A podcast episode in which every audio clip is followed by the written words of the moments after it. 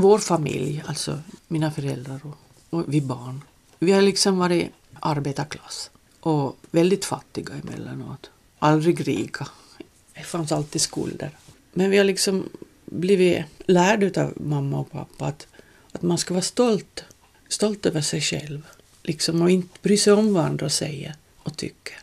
När jag ringde för att komma överens om det här samtalet så frågade jag av den här personen ifall hon ville att vi skulle träffas hemma hos henne eller ifall hon ville komma hem till mig. Hon sa att hon ville komma hem till mig. Okej, sa jag, bara jag inte behöver städa och bara du inte är kattallergisk. Då skrattade hon bara och sa att kattallergisk var hon definitivt inte och för hennes skull behövde jag inte städa. Och det var ju trevligt att höra. Vi börjar på då. Mm. Vi kan börja med en enkel presentation av vem du är, varifrån mm. du är, vad du gör. Jag är Anna-Lisa Blöt och jag är 57 år. Och jag är född i Nykarleby, uppvuxen här. Och uh, vad ska jag säga mer? Vad gör du? Jag gör någonting som kallas för att laminera. Det är mitt brödyrke nu. Att jag är med i båttillverkningen och laminerar båtskrov på Botnia Marin i Nykarleby. Men mitt hjärtats yrke är ju konstnär. Jag har gått fem år i konstskolan här i Nykarleby och det var nog en absolut ljuvlig tid, måste jag säga. Det var, jag fick ju måla hela dagarna och det har jag inte kunnat sedan dess. Alltså det var en, en gåva från himlen det där att jag fick gå i konstskola. Om man nu ska prata på det sättet. Men att jag fick den chansen var ju på grund av att jag, vi blev, både min man och jag blev arbetslösa i Lamman. Och då såg jag en annons i tidningen att, att de hade en kurs i illustration i Svenska konstskolan i Nykarleby. Och då sökte jag dit och, och blev antagen. Och när kursen tog slut då så föreslogs det att jag skulle söka, lärarna föreslog att jag skulle söka in till den här konstutbildningen. Och det gjorde jag då och blev då antagen också dit. Så på den vägen är det. Och som sagt, jag var, gick där då i konstskolan 93 till 95 och kunde ägna mig åt konst, målande, skapande hela dagarna. Det var helt fantastiskt. Har du någon gång funderat på någon sån här konstutbildning eller att du skulle bli konstnär före det? Jo, jag hade ju nog storartade planer när jag var i tonåren. Jag skulle bli antingen skådespelare, författare eller konstnär, någonting i den stilen. Men eh, det blev nog inte på det sättet för det fanns helt enkelt inte möjligheter att, att få den utbildningen. Jag kommer från en stor familj, vi har sju barn. Alltså vi vimlar ju bara. och inte mycket pengar i huset förstås. När man är en stor familj så har man inte mycket pengar. Och de här utbildningarna som då skulle vara aktuella för att få något sånt yrke, det fanns ju långt borta nere, avsides i Helsingfors ungefär, och det fanns ingen möjlighet. I Österbotten kan man ofta höra äldre människor säga att konstnär är inte något riktigt arbete. Så jag frågade Anna-Lisa ifall hon hade sådana föräldrar också som inte tyckte att konstnärliga yrken var något riktiga arbeten. Nej, det hade jag inte. Alltså de är ju båda döda nu, men de var väldigt allmänbildade. Alltså mina föräldrar var helt underbara på det sättet att min mamma målade och sysslade med konst själv. Hon gick i arbetskurser och både min mamma och pappa läste väldigt mycket.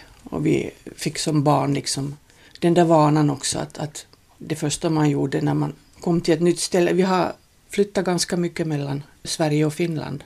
Ja, ni hade någon som for dit på jo, jo, jo, efter mm. jobbet. Och det första man gjorde då liksom på ett nytt ställe var att söka var är kommunalbiblioteket. Så genom det så har vi läst väldigt mycket i vår familj. Fick dina föräldrar någonsin chans att studera någonting? Nej, inte de heller. Liksom att det, är, alltså det är fattigdomen som sätter stopp för det. Och satte stopp, åtminstone förr var det så. Och när det gällde flickor så fanns det länge kvar en sån inställning att inte behöver de någon utbildning för de skulle ändå gifta sig. Så länge jag gick i skolan också minns jag nog att, liksom att de flesta flickorna hade nog som mål att gifta sig och få barn så fort som möjligt. På tal om det där med att gifta sig och pojkvänner och sånt så minns jag att när jag var liten så hörde Anna-Lisa och hennes syster till de här stora flickorna som man inte kände men som man kollade in för att lite se vad de höll på med. Jag minns att vi var lite imponerade av att var det både du och din syster som hade utländska pojkvänner ganska tidigt? Jo, alltså min utländska pojkvän blev ju då min man. Det var fruktansvärt spännande. Alltså, de kom ju... De hade så att säga rymt hemifrån. Hur gamla var de då? De var nog... Min man var väl... Vänta nu. Jag måste räkna. Det var alltså 67 och han är född 48. Han var 19 år. Nåja, de kom då via Sverige då. Via Danmark, Sverige. Liftandes eller? Nej, de hade en gammal Volkswagen. Sån där buss? Nej, en sån här urgammal grön liten bubbla som var fullpackad med grejer. Och de kom då via Lappland. De frös fruktansvärt, berättade han då. Och när de kom hit då till Nykarleby så, så körde de ner till Andra sjön liksom. Och, och parkerade där på Stora bryggan liksom. Och så kom jag hem då. Jag, jag jobbade på det där Shell, på den här kaféet. Jag kom då ner cyklande till bryggan. Jag, jag, någon hade sagt åt mig då att det är två tyskar där nere. Jag, jag då som ett streck dit ner och så liksom så, då var de där nere på bryggan omgivna då av resten av barnen i Söderlund. Ni bodde alla liksom, ni bodde nere på sommaren? Det där hamnvaktsstugan. Och så kom jag dit ner då, cyklande. Och så såg jag då, då Peter. Jag tyckte genast om honom. Men det tog ju då ett par veckor innan vi då liksom hittade varandra. Men blev de kvar här i Nykarleby då? Nej, de får nog tillbaka. Men, men de var här två veckor i alla fall? Jo, nej, alltså de var här hela sommaren. Ända till hösten var det. Och så for de tillbaka då. De hade ett tält och, och hade fruktansvärt lite pengar. Stackarn! De brukar äta havregryn med socker och vatten. Nej, då, de, de fick ju mat hos oss sen förstås. Så vi blev då liksom ihop, Peter och jag. Och min syster Tina blev då ihop med den andra pojken som hette Wilfrid. Och de gifte sig också sedermera, men skilde sig sen. Och de bosatte sig i Tyskland? Jo, vi, Peter och jag bodde också där i Peters hemstad. Och vi bodde där i tre år och sen flyttade vi hit till Nykarleby och har stannat här. Då. I vilken ålder var du när du träffade honom då? Och det var 16 år.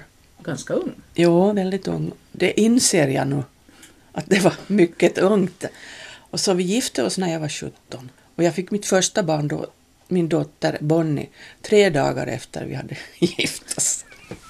Hon föddes inom äktenskapet? Ja, då, det var väldigt viktigt. Nej, det var ju fråga om det att eh, jag måste ju förstås föda på sjukhus.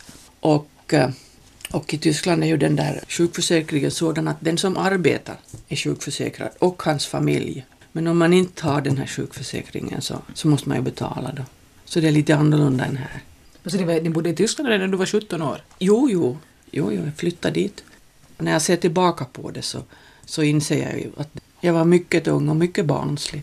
Och det där med en utländsk pojkvän i Nykarleby på 60-talet, det var någonting ganska speciellt. Det var inte så många som kom hit på den tiden? Nej, det var någonting exotiskt faktiskt. Ja. Och han hade ju stort burrigt hår på den tiden och, och skägg och sådär. Han såg väldigt romantisk ut. det var ju liksom hippietiden då ungefär. De var nog lite speciella de här pojkarna. Och de blev ju genast intervjuade i JT. Klart nu utlänningar som kommer till Nykarleby. ja. ja, med bild och allt. Och det var så mycket ståhej runt omkring det. Så den där snabba cykelturen ner till Andra sjön och ut på bryggan Ja. och titta tyskarna, den ledde till att du faktiskt... Ja, jag blev fast. Va, det där, vad gjorde du när du var i Tyskland? Var du hemma med barn bara? Jag var nog hemma med, med det här, mina döttrar då. Jag fick ju 1971 födde jag, nej, 1970 födde jag min dotter Cindy. Och sen 1971 så flyttade vi tillbaka till Finland. Vad var det som fick er att bestämma er för det? Jag vet inte, det var många orsaker. Kanske, jag hade, dels hade jag hemlängtan förstås. Och så fanns det ju den möjligheten att vi kunde köpa ett eget hus här. Det är lite, vad ska jag säga, det är lite dyrare att ha ett eget hus i Tyskland. Nu fick du kiss i famnen. Oj, oj. Han spinner alltid. Oj, svarti. En fin kiss. Han vill alltid vara med. Du har ju själv ganska många katter sa du. Jo, jag har tio katter. Eh, Det är någonting underbart att ha katter. Och just när man har så många så, så märker man de har ju, alla har sin egen personlighet. Men det märker vi på mina fyra också. Ja. Helt klart. Ja, Där är till spinnaren här. ja. Han kan sätta sig mitt på golvet och börja spinna utan att man Ja. ens rör vid honom. trivs så bra. Jag har ju den inställningen att man ska inte ta en katt i famnen. De ska få komma. De ska komma. Mm. Och då kommer de. Mm. Ja, vad blev det? Blev att du, ni flyttade tillbaka till... Köpte ni ett hus då? Jo, vi köpte då ett hus som vi bor i fortfarande. Ett gammalt hus som hela tiden finns någonting att reparera. I sommar har vi jobba med taket. Det har- Vi hade ett, det var ett gammalt tegeltak som började läcka. Den. Tegelpannorna gick sönder. Och vi hade då tänkt att vi skulle hinna göra det under semestern. Och ja, semestern regnade ju bort i stort sett. Och och jag hade oturen att jag blev sjuk. Så det blev lite si och så med det där. Men att nu är det nästan färdigt, taket. Så det kanske hinner bli riktigt färdigt tills snön kommer. Vad började ni göra när ni kom hit till Finland och båda två? Vad, vad, vad gjorde, hittade ni på att försörja er på? No, Peter var först arbetslös och sen fick han jobb i skogen, showmans, som, eh, inte som skogshuggare utan som han kallades för pinnare, att han, han såg till att de där pinnorna som de lagade där så att de skulle vara raka och fina. Och sen blev han arbetslös igen och så fick jag arbete som på Abeko och sydde regnkläder då. Och sen efter det så fick Peter då arbete som båtlaminerare då på dåvarande Nykra. Och eh, han började jobba där 75 och jag började jobba på samma ställe då 79. Och sen dess har vi arbetat ihop tillsammans. Tycker du att det funkar bra det? Jo, det är alldeles utmärkt. Vi, vi trivs väldigt bra tillsammans, både, både privat och i arbetet. Jag har hört många säga liksom att hur kan ni arbeta tillsammans? Hur går det liksom att det kan ju inte gå bra. Men att jag har ingen förståelse för sådana funderingar. Att om man nu en gång är gifta så borde man ju trivas tillsammans.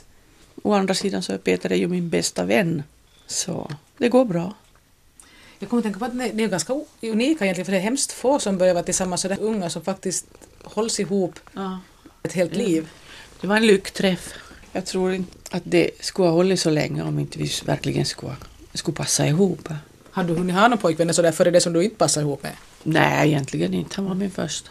Tänk. Ja. Det beror ju på vilka, vilka förväntningar man har. När man är ung så, så tror man ju att den här kärleken ska vara likadan hela tiden. Den är, det är ju inte. Och då när man märker det så kanske man tänker att nej, det här var ingenting för mig. Att det finns liksom in, inget mera. Men att om man efter den där första tiden när man är absolut stört förälskad, när man kommer in i den där vardagslunken, så måste det liksom finnas något mera än det där. Det kan då vara att man har till exempel samma inställning till, till sin omvärld och, och samma intressen. Det behöver ju inte vara så där att det passar så här. Som Nej, det kan ju önskar. nästan aldrig göra. Mm. Men i alla fall att man har lite samma mål och, och, och framförallt att man har likadan humor. Så att man kan skratta tillsammans för det är, det är väldigt viktigt att man har roligt tillsammans. Vi har väldigt roligt tillsammans. Hur många barn fick ni sen till sist då? Vi har fyra barn, två flickor och två pojkar. Flickorna föddes ju 68 och 70 och pojkarna föddes sen 85 och 86. Så det är ganska stor åldersskillnad mellan dem.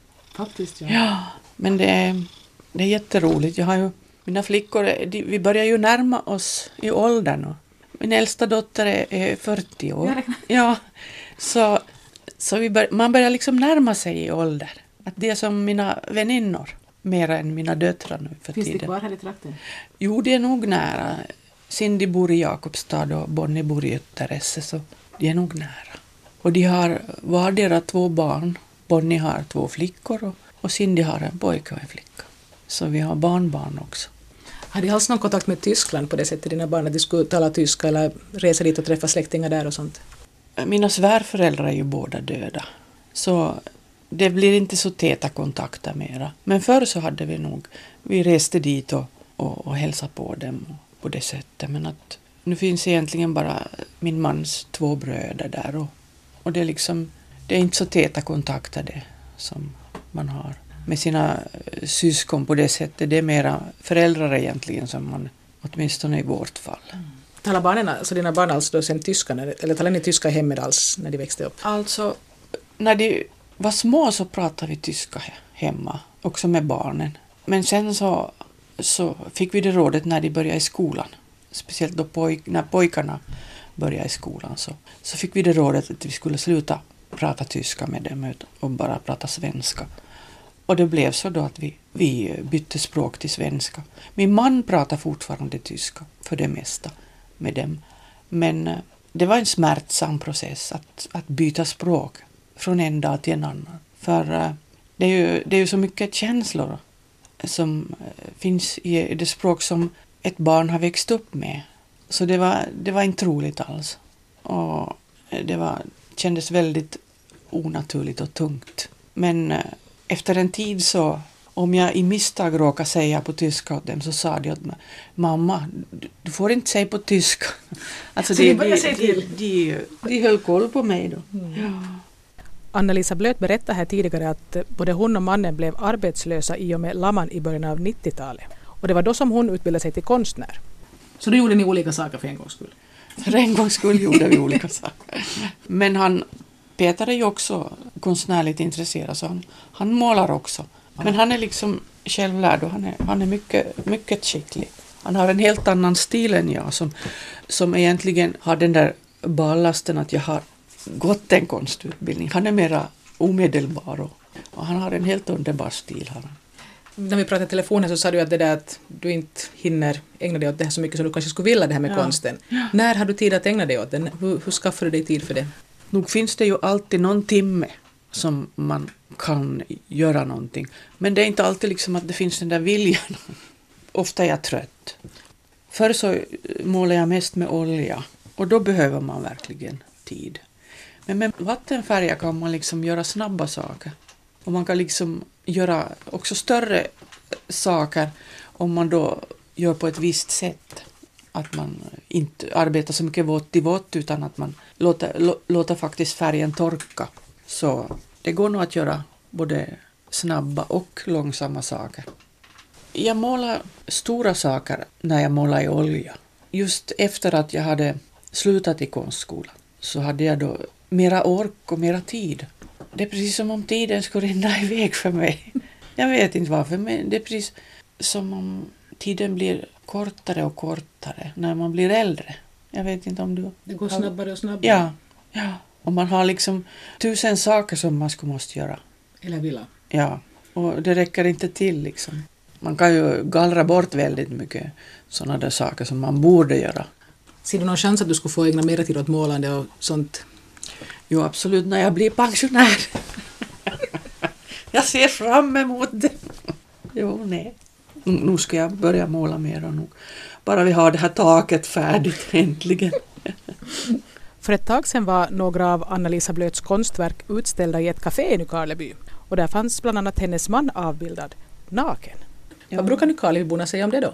Jag har faktiskt inte frågat dem och jag bryr mig inte heller om det. Och du har inte fått höra några kommentarer annars heller? Nej, jag fick faktiskt höra en kommentar och den var helt positiv. Att det var fina bilder. Att jag kände strax till Jenna. Och det är ju så att Peter har väldigt avslappnad inställning till sig själv och sin kropp. Att han har inga liksom, komplex eller så. Han, han är som han är liksom. Och, och, han har också ett väldigt starkt självförtroende. Så det, för honom är det inga problem. Så han kan tänka sig att hänga naken i ja, kaféfönstret? Jag, jag frågade honom att får jag hänga upp det här liksom? Så ja, inga problem. Och saken är ju den att, att han, han fyllde 60 i år. Och för att fira honom som jag ville hänga upp de här bilderna liksom att Peter 60 år. Det var ju bilder som, som jag har, det är ganska länge sedan jag har målat dem, ett par år sedan. Och de har inte blivit utställda före, det, var, det har liksom varit sådana udda verk som jag inte har kunnat placera i någon utställning. Det ska ju vara saker som liksom har ett sammanhang på något sätt när man ska ha utställning för att, för att då underlätta för publiken troligen. så de kan ta det till sig. Men nu fick jag ju en chans att ställa ut dem och det blev ju ett bra, bra ställe att hänga upp dem på. Har du kontakt med dina kurskamrater från när du gick i konstskolan fortfarande? Vi var så från så olika håll liksom. Det, finns, det var från Vasa och Ekenäs och, och och Jakobstad. Så på det sättet har jag inte direkt kontakt väldigt ofta men ibland så. Det närmaste som, som jag ser nu och då så är ju Johan Vaselius. Vi var då gamlingarna, alltså utåt sett.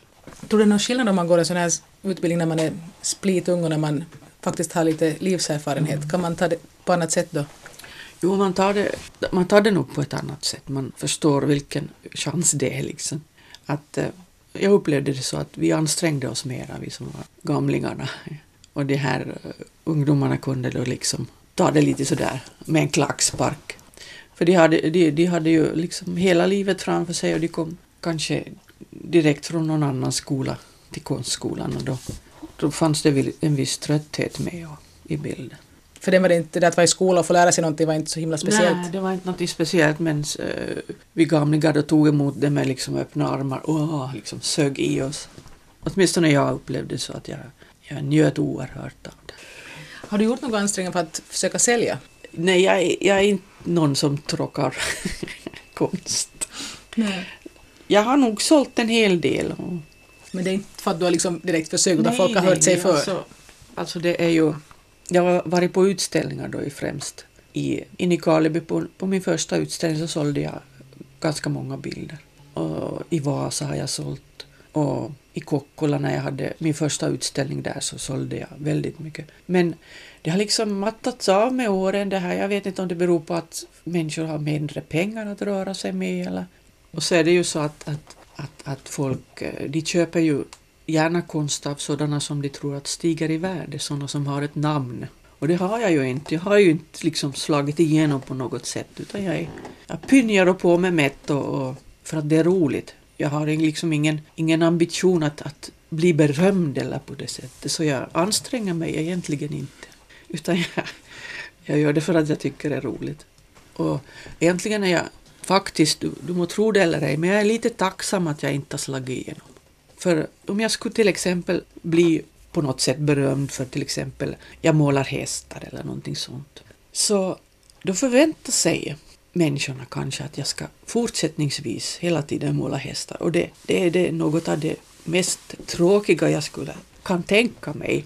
Att hela tiden hålla på med samma sak. Du vill vara fri att välja Jag precis gör vad du... precis vad jag vill. Alltså det är helt underbart.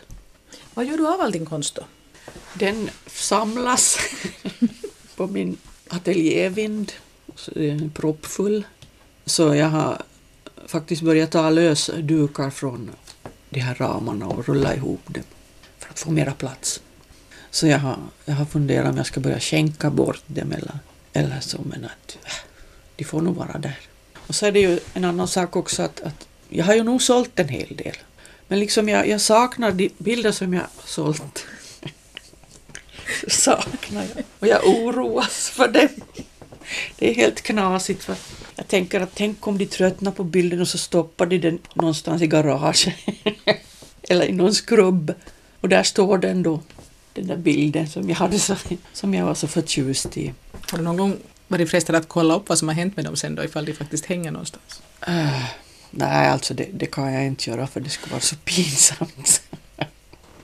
Så egentligen vill jag inte sälja. Men, men liksom när man får en, en, någon som vill ha en bild så klart man säljer då liksom. Vi behöver ju pengar liksom och det där materialet kostar och allt.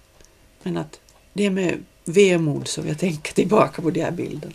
Anna-Lisa Blöt har bott i Nykarleby så gott som hela sitt liv. Så jag frågar om hon alls har haft samma upplevelse som jag själv har haft. Det där att det ibland kan vara lite jobbigt att bo i en småstad. Nej, jag, jag kan inte säga. Jag, förstår inte vad du menar. När jag var yngre så lagde sig folk i allt vad man gjorde. Ja. Just att de hade koll på en och de visste liksom vad man sysslade med och de rapporterade åt föräldrarna och allt sånt. Mm. Och tyckte jag så hemskt då. Nej, och, uh, hur ska jag säga det här? Vår familj, alltså mina föräldrar och, och vi barn, vi har liksom varit arbetarklass och väldigt fattiga emellanåt. Aldrig rika. Det fanns alltid skulder. Men vi har liksom blivit lärda av mamma och pappa att, att man ska vara stolt, stolt över sig själv. Liksom, och inte bry sig om vad andra säger och tycker. På det sättet. Liksom Så ni har aldrig blivit hotade med det här att uppför för vad ska folk säga? Nej, aldrig. Tur. Nej, och det, är en- det har ju fört med sig liksom att vi, alla vi barnen liksom, i den här familjen, vi har ett väldigt starkt självförtroende. Fast vi då är på sätt och vis blyga. Men ändå vi har ett väldigt starkt självförtroende, så här lite pinsamt ibland. Vilket är pinsamt. Nå, vi tycker vi är så bra. Men ni kanske är. Ja, men säkert är vi jättebra. Men att på det sättet har jag inte upplevt samma sak som det du har upplevt. Nej, nej. För det, det, jag har märkt att hemskt mycket folk av min generation har ju fått höra det här liksom att man ska inte liksom ge fortune att tala om. Jo, jag förstår, det ska vara utåtskallning vara. Ja. Men jag Fint. tycker man måste ge dem något att tala om för hur skulle jag annars kunna jämföra Ja. och tycka att det är så bra?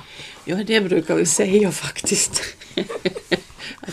Namn måste ju vara sådär så de, vet, så de kan vara glada åt att de har det så jättebra, så jättefint och så jättestädat. Att he, namn måste ju ha, ha lite liksom hipp som happ. Snusar du? Ja, nu får du ta april Nej, jag har aldrig snusat. Om du jämför med när du var när du cyklade ner till den här andra sjön och hade träffat din man och hur du, hur du är nu. På vilket sätt har du ändrats? Hur har du blivit?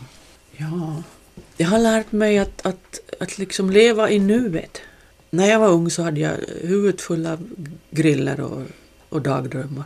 Men jag har lärt mig att, att livet det är nu. Det är inte någonting som kanske kommer att hända någon gång. Utan det är nu. Att, så här är det. Det finns en dikt, jag kommer inte ihåg den riktigt, en kvinnlig författare som har skrivit just om att varför sa ingen åt mig liksom att, att, att det är nu liksom. Hon väntar hela tiden att det skulle komma det där. Det skulle börja liksom. Ja, att livet skulle börja, men det är nu. Det har jag lärt mig. Och att, att man ska liksom försöka göra det som man drömmer om. Då ska man försöka förverkliga. Att man har ju bara det här livet att leva. Och då ska man göra sådana saker som man tycker är roligt. Och det, det kan ju vara liksom att bara ha ett bra äktenskap, att ha barn som man älskar och, och att vara glad att, att de liksom att de är goda människor. Att inte vänta sig för mycket av sina barn till exempel. Att de ska bli någonting eller lyckas på något sätt få bra studieresultat och, och välbetalda jobb utan att de är goda människor, att de trivs med sin tillvaro. Man ska inte ha för höga krav på sina medmänniskor. Man ska försöka vara en god människa, tror jag. För jag tror att det finns alldeles för mycket elakhet. Så man ska inte ge sig in på sånt utan försöka vara snäll. Helt enkelt vara snäll. Är du en lycklig människa? Ja, jag är lycklig. Jag är mycket tillfreds med mitt liv. Lyckan är ju inte någonting som... Det är inte stort och, och sådär. Det, det är väldigt små saker. Det, då, då hittar man väldigt mycket lycka om man börjar se på det sättet. Som när en katt hoppar upp i knät. Och, Helt frivilligt. ja. Och jag brukar vakna så ibland på morgonen att just den här att han lägger liksom tassen försiktigt här och försöker väcka mig liksom så här. Nej. Jo. Oj, det Han brukar alltid ligga här på sidan. Hans. Ja, det är så ljuvliga. Ni kanske minns att Anna-Lisa Blöt tidigare i programmet nämnde att de har tio katter. Vi har ju tio katter därför att, att eh, det var ju inte meningen. Och så kom en av mina söner hem med en, en liten, en liten, liten honkatt. Hon skulle ha blivit bortlagad om de inte tog hand om henne. Liksom. Och den här lilla, lilla katten, hon blev gravid vid cirka tre månaders ålder. Nämen. Jo då. Och vi hade ju ingen aning om när hon blev, hon blev rundare och rundare om magen. Och så får jag till veterinär med henne och de gjorde ultraljudsundersökning. Och så hade hon sex kattungar i sin mage. Oj nej, lilla kissan. Hon var så liten. Och sen när det var dags för henne då så måste de, vi göra kejsarsnitt på henne. För hon, hon fick inte ut det, hon var så liten. En var död. Och då hade vi tänkt att vi kanske skulle ge bort någon av dem, men inte kunde vi. Ni ville ha den. Det var ju så att jag, jag måste hjälpa till att mata det här med, med flaska. Då, de Ja, här det var så små. Ja, Mm. och hon var ju också så liten. Liksom, så så vi, hon och jag vi hjälptes åt att föda upp de här små kattungarna. Då fick jag ju ett speciellt förhållande till. Mm. De föddes eh, första april förra året.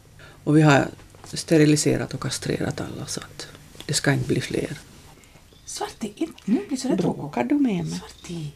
Åh, jag gjorde någonting fel. Han lät överivrig nu liksom. Jo,